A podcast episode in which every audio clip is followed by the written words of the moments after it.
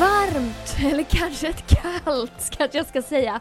Välkommen till det här dagens avsnitt av Systerpodden. Alltså vad kallt det har varit, i alla fall där jag bor. Jag fattar inte, jag undrar om jag någonsin kommer bli varm igen.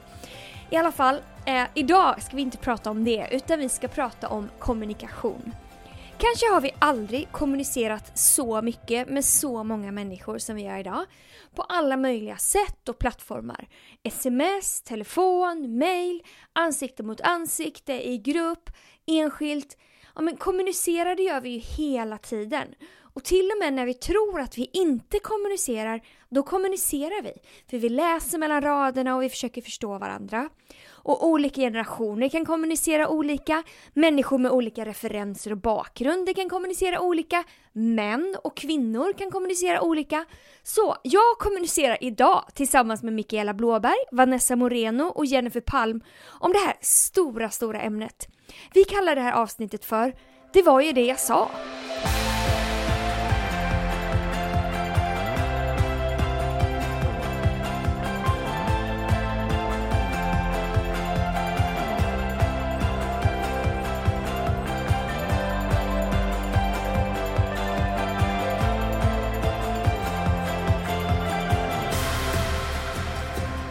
Tar sig an det här ämnet på väldigt många olika sätt. Och det finns många visare män och kvinnor än oss som har gjort det tidigare kanske. Ehm, men eh, om vi kanske skulle ta oss an det så här. Först pratar vi om vad vi absolut inte ska göra. Rött, rött kort. The big no-nos inom kommunikation. Och sen pratar vi om, ja men tänk trafikljuset, gult. Här kan vi behöva tänka lite vilka olika aspekter kan det finnas och sen så kan vi ge lite tips på slutet. Om vi ska börja med kommunikation. Alltså det är ju någonting vi gör hela tiden, prata med människor eh, och lyckas och misslyckas med hela tiden. Men vad tänker ni spontant är liksom tillfällen där man helst vill ta fram det röda kortet till sig själv eller till någon? Att det aldrig blir bra när det gäller kommunikation. Ja, men det första jag kommer att tänka på som verkligen under röd, det är när man kommunicerar med en människa och förutsätter att den vet saker som den inte vet. Att man pratar, det kan ju bli att man pratar över huvudet på en person. Att man använder termer som den inte förstår. Att mm. man eh, pratar om en händelse som den inte var med på. Och det kan ju, dels så blir det ju missförstånd eller misskommunikation. Man får absolut inte fram det man vill säga för att den här personen vet inte vad man pratar om. Men det blir väldigt oeffektivt också. Plus att eh, ja, men om man kommunicerar med en person och förutsätter att den kan grejer så är det lätt att få den att känna sig dum. Och att den inte mm. förstår och att det är mm. dens fel att den inte förstår kommunikationen. Men det är egentligen jag som förmedlar kommunikationen. Det är mitt fel för att jag förklarar inte bakgrundsfakta eller vad ord betyder eller saker. Och det är ju, ja men det skulle jag säga är super, superrött. Ja, och generellt eh, härskarteknik och att prata med någon nedlåtande. Alltså det, är, det är givet att det är rött, men ibland kanske man inte tänker på att man gör det. Få någon annan att känna sig under. Liksom. Eh, eller att vara nedlåtande mot någon. Visst, man kanske får igenom sin sak, men det, det är bara rött. Alltså, det är inte så vi ska kommunicera med varandra. Mm. Jag håller med. Jag tror att det är jätteviktigt. Och en av de sakerna som jag tänker på kopplat till det är ju också det som man kanske inte kommunicerar, alltså mellan raderna. Där upplever jag den absolut största liksom, kommunikationsbristen. Så jag, jag bara antar att med hela den jag min tystnad tänker jag få tala nu. Men den mm. personen mm. fattar ju inte min tystnad. Min tystnad tänker jag är jag blev sårad eller jag tyckte att du borde ha agerat så eller du borde kolla med mig nu hur jag mår. Mm. Men det förstår inte den andra personen. Så det skulle jag säga är en av de kanske stora utmaningarna i kommunikation. Att man inte säger som det är. Ja, eller så visar man med hela sitt kroppsspråk hur det är. Exakt. Men man säger ingenting. Det är ju hemskt. Mm. Att, att man ger utrymme för den andra personen att mm. tolka. Och det skapar en otrolig osäkerhet. Mm. Um, sen är det ju också då när det gäller kommunikation så tänker man kanske ofta på att prata. Men det är precis lika mycket lyssna. Mm. Så det tycker jag är otroligt dålig kommunikation. När man bara pratar och pratar och pratar och pratar och inte ger den andra en chans. Och bara väntar för att den andra ska prata klart. Det tycker jag är rätt jag tänker just att det du är inne på Lina, att man säger en sak men menar någonting annat. Jag minns så väl när jag var gravid för första gången och jag ibland kan ha svårt att ta hjälp och liksom, man vill känna sig stark och sådär. Och så flera tillfällen om jag typ, barn och tungt eller ska gå ner för trappan och någon ber en om hjälp. Jag bara nej, nej, nej, lugnt. Fast vad, vad jag hade be- behövt hjälp nu alltså. Men mina, jag kommunicerar ändå, nej jag vill inte ha hjälp. Men allt jag vill egentligen är att ha hjälp. Så då, hade jag, då hade jag velat att någon skulle säga, jo, trots att du säger nej så ska jag ta den här väskan och bära den åt dig. Men det är inte så lätt att veta när jag ber om att inte hjälpa mig. Nej, otydlighet generellt är ju så jobbigt med kommunikation. Antingen om man inte säger som det är eller om man bara är luddig och den andra personen ska försöka gissa vad jag menar. Eller att man är otydlig så att man är oklar. Det kan ju bli vilken tolkning som helst. Mm. Och jag tänker också grejen av att anta att alla kommunicerar på samma sätt. Alltså att, det vill säga, om jag som ledare då ska kommunicera till mitt team eller personer jag har runt mig. Om jag tänker att den här personen kommunicerar på exakt samma sätt som den här, då kan det ju verkligen bli helt pannkaka av det. För att den ena personen är superkreativ och tänker liksom i runda former när man pratar och lägger mycket känsla och den andra är liksom fyrkantig i sitt sätt att kommunicera. Och det tycker jag är fascinerande ibland, man också iakttar på håll, man ser andra kommunicera och så ser man att den här ställer frågor som är runda och den svarar på ett fyrkantigt sätt. Och det är liksom, kommunikationen bara flyger rätt över varandra. Så att också liksom, ja, utmaningen att så veta vem är det jag kommunicerar till. Det handlar inte alltid om hur jag säger det, utan om hur mottagaren tar emot det. Vem är det som tar emot det? Nu skulle jag säga att du är inne lite på det gula partiet. Ja, men det kanske är. Vi hoppar tillbaka till det röda. Nej, nej, nej. Jag tycker det var en naturlig övergång. En naturlig övergång. Ja, men bra. Så Kommunikation. när man kommunicerar med olika människor, vad tänker vi på då? Ja men, ja men som du var inne på Vanessa, kommunicerar man med en grupp så måste man tänka att man ska liksom innefatta hela gruppen och att eh, man får förklara saker på ett sätt så att alla i gruppen förstår. Och kanske framförallt den i gruppen som förstår minst. Att det är den man kanske måste tänka att man förklarar för. Eh, eller att man kommunicerar med eller att man pratar med. Eh, Samtidigt så tänker jag att ibland, ibland kan jag tycka att det är tvärtom, att det, det blir lätt att man går liksom till den lägsta nivån när man ska prata med en grupp, fast det egentligen, det det här mötet eller den här samlingen skulle behöva, är att jag lyfter liksom och vågar utmana de som egentligen kanske är är, har högst eh, commitment eller har kommit längst eller liksom vå, vill mest. Att jag, jag tar kanske, istället för att ta den här uppsamlande, liksom, prata till den som, som eh, inte förstår minst. Men jag tänker, det är lätt, lätt att gå för den gemensamma, minsta gemensamma nämnaren. Medan man ibland skulle behöva liksom tänka, jag pratar till dem som är, har kommit längst här och då får de andra inspireras av det. Men det är ju Mm. lite från fall till fall. Det är väldigt, väldigt gult också. Det är bra. Och, men i en sån fall, då när man kommunicerar, så kan man säga, är det någonting jag säger nu som ni inte förstår, ta Mm. det med någon annan som sitter med på det här mötet. Någon annan kanske förstått. Då löser man ju det problemet Bra. ehm, på ett bra sätt. Ja, men ett väldigt bra exempel i, på våra, i våra gudstjänster. Vi försöker ju förklara så att vem som helst, eller försöker tänka på det, att vem som helst som är ny ska fatta vad vi gör, var, varför vi gör det vi gör. Så man pratar med dem som tror och sådär, men emellanåt så stannar man upp och säger vi lyfter våra händer för att det här och när vi ber så tänker vi på det här. Och, så jag tror att det är typiskt gult. Att man liksom pratar till alla men man ser till att man fångar upp människor som är på olika våglängder. Men hur är det med män och kvinnor då? Kommunicerar ni generellt på olika sätt med män och kvinnor? Eller finns det några så här generella drag? Intressant. Ja, men det, jag tror att jag... Men jag vet inte heller, jag kan ju inte liksom bilda mig en hel världsuppfattning kring det här. Men om jag utgår ifrån de jag leder och de jag har runt mig så kommunicerar jag olika med killar och tjejer. Det gör jag absolut. Inte kanske utifrån den mån man förklarar why eller liksom hur man leder gruppen som helhet. Men jag tänker så här, kommunikation i vad jag vill förmedla. Till exempel om någon person ska göra någonting eller leda någonting så kan jag uppleva att eh, tydlighet kan vara extra viktigt för eh, män. Jag kanske trampar på jättemånga tår här nu. Fortsätt trampa. jag ska trampa, jag ska spe- spicea till det här rejält nu. Har du några frågor så bara höra av dig. Har du till Jennifer som kommer ta hand om dig. Jennifer kommer fånga upp hela gruppen sen här efteråt. Jag sitter ju inte här som någon så här forskare i det här ämnet direkt. Det vill jag verkligen inte påstå på något sätt. Men jag upplever väl att jag kanske oftare behöver vara extremt tydlig. Eh, till exempel. Och det här är ju återigen kommunikation. Så här, hur säger man det på ett bra sätt? Så här, ta anteckningar nu så att du inte glömmer. Eller eh, liksom, ha, har du uppfattat vad jag menar? Och en, en superkonkret exempel menar inte att hänga ut honom här nu, men en av mina nära kollegor, Daniel Widén, eh, som också är ungdomspastor, han, jag kan säga det här, vi brukar driva om det, men han upplevde att jag var superotydlig i min kommunikation när vi började jobba tillsammans för några år sedan. Så jag brukade ofta säga, springer du med den här bollen? Och då är det så här, vad menar du med att springa med den här bollen? Är det, liksom, är det jag som ska hyra in 40 tält i summercamp? Är det jag som ska planera brandvakt? Alltså vad menar du med springer du med den här bollen? Så vi har lärt oss att han behöver ställa motfrågor till mig ofta. Vanessa, menar du, när du säger spring med den här bollen, menar du då det här? Da, da, da, da, da, da, da. Ja, exakt så menade jag. Ja, men, eller nej, så menade jag inte. Kanon, då vet vi det. Så jag inser väl att så här, ja, kommunikation, det kan verkligen landa hur som helst. Men jag tror att det är lite olika för kille och tjej. Och jag vet inte 100% varför.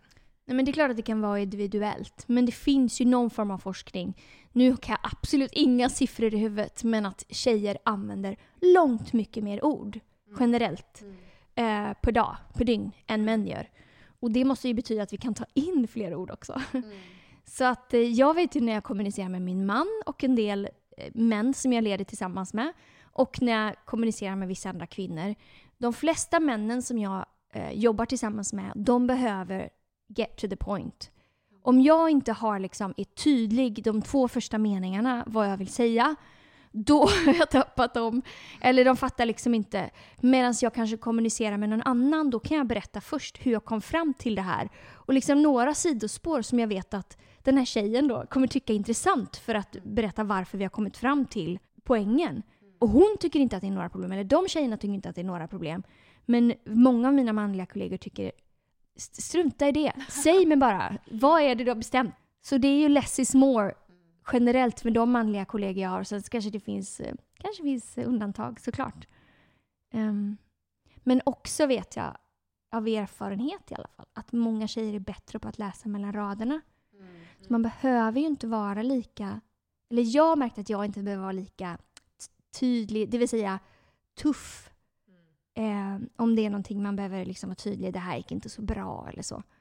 Utan då kan man bara hinta det lite. Ja men det här, det här var ju en boll som vi tappade, kan man säga till en tjej. Och hon bara, nej! Jag förstår att det, det blir jättestort, men en kille som bara, det måste man vara jättetydlig. Så här, jag vet inte vad jag ska säga till honom. Det här blev inte alls bra. Du får inte släppa den här bollen nästa gång. Förstår du det? Liksom tydlighet. Och de upplever samma sak. Verkligen. Och något att tänka på också är ju eh, kroppsspråk och liksom ansiktsuttryck. Alltså det är ju majoriteten, är det inte 70 procent Vanessa, av kommunikationen läser vi av genom vårt kroppsspråk. Så om jag säger någonting med min kropp och min ansiktsuttryck symboliserar någonting annat, då är det det som kommer komma fram. Så det är ju väldigt intressant att bara tänka på. Hur, vad har jag för appearance? Går jag alltid runt med armarna i kors, då kommer jag uppfattas som en person som ofta är lite, lite arg. Liksom. Och det leder oss in på kommunikation när man inte ser kroppsspråket. Det vill säga allt. jag vet inte hur många procent, 90 procent av all kommunikation. Nej.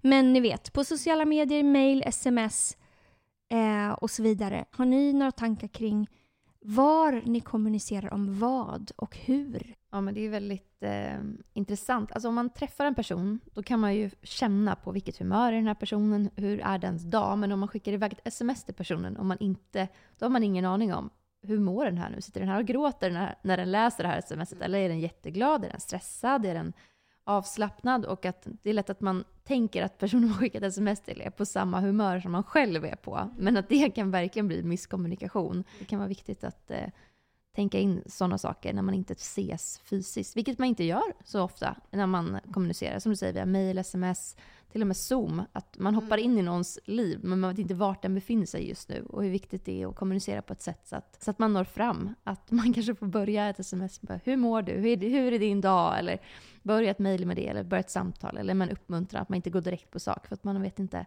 man vet inte hur någons dag är. Eller man vet inte vad, vad den går igenom just, just då. Har ni några knep specifikt va, vad ni kommunicerar om var? Ja, eh, det har jag. Men eh, jag skulle definitivt inte säga att jag är mästare på det här. Men eh, saker som är viktiga som berör personen i fråga som man behöver möta, ta det liksom face to face. Antingen saker som man behöver initiera, eller hur mår du, eller eh, feedback. Alltså feedback på sms tror jag generellt sett inte är bra, eh, för att det kan verkligen tolkas. Jag vet själv i fall där jag har fått feedback på sms, där jag har tagit åt mig jättehårt kanske, för att jag tolkade det på ett sätt som den personen skickade det inte ville förmedla det.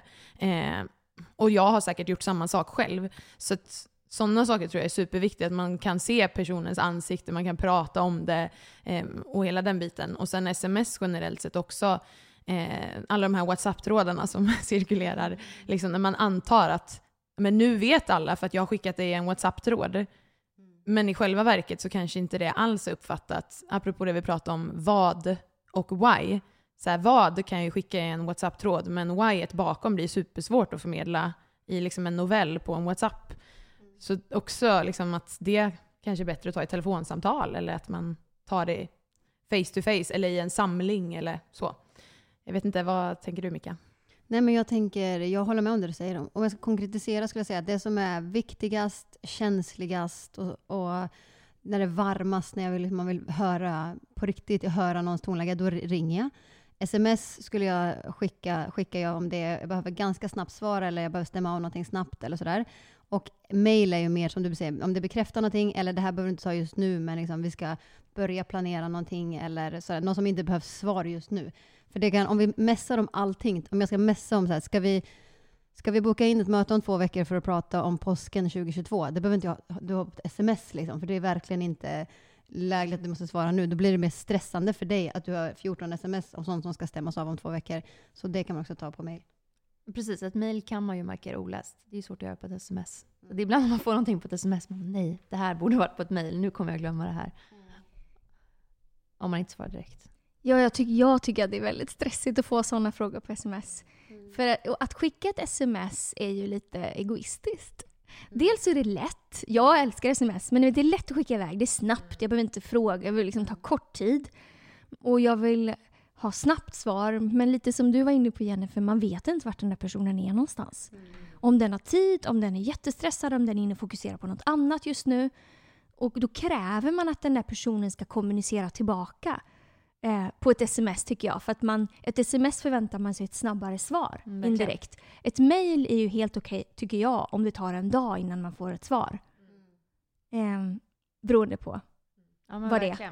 Ja, och precis det du är inne på Lina. Om du ska predika söndag morgon klockan 11, då kanske inte jag messar dig halv elva och säger vad sa vi nu med vår lunch på torsdag om det här? Utan om jag sätter in mig i din situation, du behöver ingen sms om torsdag, du ska snart gå upp och liksom förmedla Guds ord. Då kanske jag inte ens hör av mig alls på morgonen, utan då pratar vi istället efteråt om det. Jag tänkte lite på det här kring olika referenspunkter eller olika förutfattade meningar eller vad man, liksom, vad man har med sig innan in i samtalet. Har ni några exempel på det eller, eh, eller tankar kring det om när det kan bli fel eller när det kan, vad man behöver tänka på när man kommunicerar om vissa saker? Jag vet inte om jag svarar på frågan nu, men jag tänkte bara spontant på tänka på så här, skillnad på ens intention och på effekten.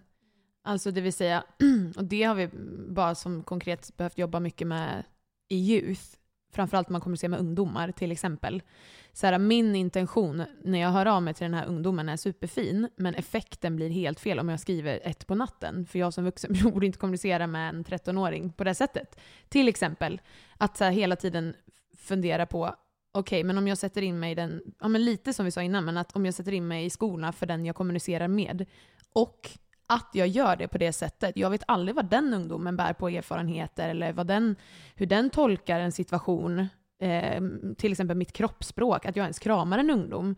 Så här, hur tolkar den? Den kanske känner sig påhoppad. Alltså, eh, ja, att det är superviktigt att bara tänka kontext och vem det är man bemöter.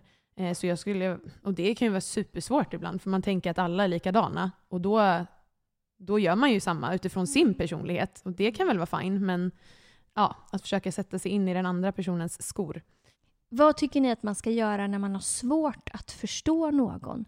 Det vill säga när man tycker att man har svårt att kommunicera med någon annan och man tycker att den andra är problemet. Ja, men ställa mycket frågor skulle jag säga. Ställa, alltså om man har svårt att förstå en person, att man själv tar ansvar för att ställa frågor. Okej, har jag förstått det här rätt? Menar du så här? Är det någonting jag har missat? Att man själv kan eh, sammanfatta det man tror att den här personen menar och frågar, är det så här du menar? Att man verkligen gör det supertydligt och liksom gräver lite i i kommunikationen. För oftast tror jag att det bara handlar om missförstånd eller att, man, för, att den andra personen förutsätter att man själv vet saker som man inte vet eller förstår saker som man inte förstår. Eh, men om man har svårt att kommunicera, att man, kan, att man tar det på sig själv, att man själv är, liksom, lägger ansvaret på sig själv att, eh, reda upp den kommunikationen så att den blir tydlig och att den blir bra. Och jag tänker om det är någon man jobbar mycket med så skulle jag ta upp själva liksom, eh, komplikationen kring det och säga det känns som att du och jag ofta missförstår varandra. Jag tror att vi är ganska olika i hur vi kommunicerar. Alltså berätta för mig, bara, hur, hur vill du helst att jag ska kommunicera med dig? Vill du att jag ska vara tydlig? Jag vill bara prata om det. Det känns som att vi är olika i att vi liksom ofta bara missförstår varandra och bara prata om den grejen. För att vi, bara vi som sitter runt det här bordet är ju olika i hur vi kommunicerar, hur vi helst vill höra saker, hur vi, hur vi smidigast kommunicerar saker och tar upp det. Så det är ju bara, det tänker jag själv på med de som jag har runt omkring mig. Till exempel, jag är en person som som leder ganska mycket med uppmuntran. Det kommer väldigt lätt för mig liksom, och jag tycker om att göra det. Men en av dem som jag jobbar närmast med, han vill inte ha det. Han har sagt så tydligt till mig, du behöver inte uppmuntra mig, speciellt inte offentligt. Det gör mig ingenting. Det är liksom, jag vill säga... ja, verkligen. Jag eh, vet vem det är. kan, vet, kanske vet, någon här ute vet vem det är. Men, eh, och då säger okej, okay, men hur, vad, vad uppmuntrar dig då? På vilket sätt kan jag uppmuntra dig? Ja, men då är det liksom det här eller det här eller det här, men inte liksom så här verbal uppmuntran offentligt. Det, är liksom, det tycker han bara är jobbigt, för han inte, vet inte vad han ska göra med det. Så det är också intressant där man kan liksom clasha ibland. Och jag tror att, men vadå, alltid, du, jag berättar ju för dig hur, hur bra du har gjort det här, men han vill liksom inte höra det på det sättet. Så det kan också vara bra att lära känna varandra i hur, hur man funkar. Och sen kan det vara olika generationer också. Jag vet ju generationen som är yngre än mig i alla fall, eh, mina tonåringar och lite äldre som helst kommunicerar via sms och mm. sociala medier som har lite svårt ibland att säga saker eh, ansikte mot ansikte. Men jag tror att det är någonting man behöver öva på. Att inte ha känslosamma kommunikationer eller arga eller frustrerade grejer över skrift framförallt. Men sen, ja, hitta en väg liksom att kommunicera med olika generationer. Verkligen. På tal om generationer, jag tycker att det kan vara så intressant om man pratar med någon som är lika gammal som en själv så kan man så göra lite planer. Att så, ah, men vi borde göra det här, vi borde göra det här. Och sen så vet man så underförstått att vi, plock, vi kommer plocka upp det här senare och då bestämma. Men om man till exempel när jag pratar med min mormor, typ, om vi säger så här, om vi gör en lös middagsplan, då är det en plan för henne. Då bokar hon in det i sin kalender. Medan jag tänker att nej men det var ju bara något vi pratade kring. Det tror jag också kan vara så här generationsfråga innan. Att innan var man nog mer så här, ett ja, ett ja, ett nej, ett nej. Har man bestämt har man bestämt. Men medan vår generation kan vara lite mer luddig och lite lös på vad det är som gäller. Eh, och det kan ju vara bra när man kommunicerar med, med, med människor som är äldre än en själv. Att eh, vara tydlig där. Vad, vad förväntas av, eh, från olika generationer? Mm. Tycker ni att det finns exempel när folk kommunicerar för mycket? Ja. Alltså jag tycker att jag kan göra det ibland. att jag eller jag kanske blir bättre på det, men när jag känner att jag inte får fram någonting så känns det som att jag säger samma sak tre gånger, men jag säger det på ett nytt sätt för att det verkligen ska komma fram. Så att det, och det tror jag andra också kanske kan känna igen sig i. Om man inte känner att man får fram sin sak så fortsätter man bara säga samma sak om och om igen tills det känns som att det har landat. Liksom. Men... Ska vi gå vidare till lite tips? Är ni med på den gröna? Nu, nu är det liksom tuta och kör eh, när det gäller kommunikation. Vi har ju, vi har ju liksom pratat om lite saker och lite, det finns hur mycket som helst att säga. Verkligen. Men i alla fall, vi, vi ger ett litet axplock kring saker man kan tänka på kring kommunikation. Men eh, en sak som jag tänkte på, som vi kanske har snuddat lite vid när det gäller kommunikation generellt, är att ge människor en anledning att lyssna. Om jag ska börja med någonting. Alltså när jag pratar med en person och vill kommunicera någonting till någon, någon som jag leder, varför ska den lyssna på mig? Varför ska den göra som jag säger? Varför ska den lyssna på min åsikt? Ja, men då finns det ett uttryck som säger så här, people, ungefär, people don't care how much you know until they know how much you care. Mm. Så bra. Alltså, de bryr, det är väldigt mycket what's in it for me. Mm. Folk vill ju veta liksom att när jag säger någonting så är det för deras eget bästa. Mm. Eh, och så vidare. Så att det är ju kanske det som är skillnad på att vara chef och ledare en chef bara kör på för det här är min, min, min roll, min lön, min position.